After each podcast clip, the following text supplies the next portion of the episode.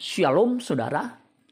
Renungan hari ini berjudul Unta masuk lobang jarum. Matius 19 ayat 23 sampai 26.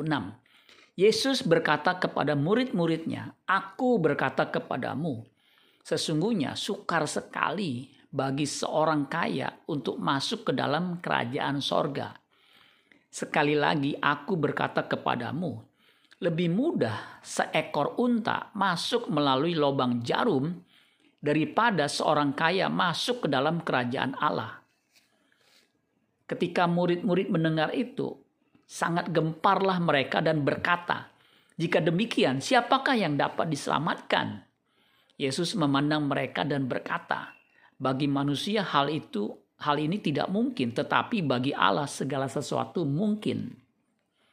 Perumpamaan unta masuk lubang jarum disampaikan Tuhan Yesus untuk menggambarkan betapa sukarnya orang kaya yang terikat dengan kekayaan masuk ke dalam kerajaan sorga. Seekor unta untuk masuk lubang jarum atau pintu gerbang kecil di tembok kota adalah suatu hal yang mustahil. Kecuali unta itu dilepaskan seluruh bebannya dan berjongkok lalu didorong dari belakang. Barulah ia bisa masuk Orang yang tidak mau meresponi anugerah keselamatan tidak akan bisa masuk ke dalam kerajaan sorga. Rasul Paulus mengerti kebenaran ini. Ia menulis kebenaran ini dalam Filipi 2 ayat 12. Hai saudara-saudaraku yang kekasih, kamu senantiasa taat. Karena itu, tetaplah kerjakan keselamatanmu dengan takut dan gentar. Bukan saja seperti waktu aku masih hadir, tetapi terlebih pula sekarang waktu aku tidak hadir.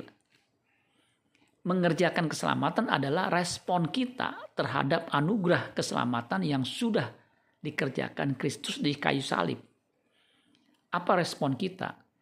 Matius 19 ayat 21 dikatakan kata Yesus kepadanya, "Jikalau engkau hendak sempurna, pergilah jualah segala milikmu dan berikanlah itu kepada orang-orang miskin maka engkau akan beroleh harta di sorga. Kemudian datanglah kemari dan ikutlah aku. Mengikut Tuhan Yesus artinya menjadi muridnya. Belajar kebenaran sehingga memiliki kecerdasan rohani untuk bisa mengerti kehendak Allah dan melakukannya. Ketika kita meresponi, ketika kita merespons, maka Allah akan mendorongnya dari belakang Filipi 2 ayat 13 dikatakan, karena Allah lah yang mengerjakan di dalam kamu, baik kemauan maupun pekerjaan menurut kerelaannya. Kata mengerjakan di Filipi 2 ayat 13 itu dari kata Yunani energeo yang artinya put forth power, memberi kekuatan atau daya.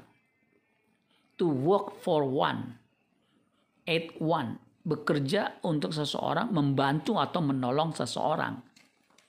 Dengan demikian, kita bukan saja dapat melakukan kehendak Allah, apa yang baik, tetapi juga apa yang berkenan dan yang sempurna. Amin buat firman Tuhan. Tuhan Yesus memberkati. Sola Gracia.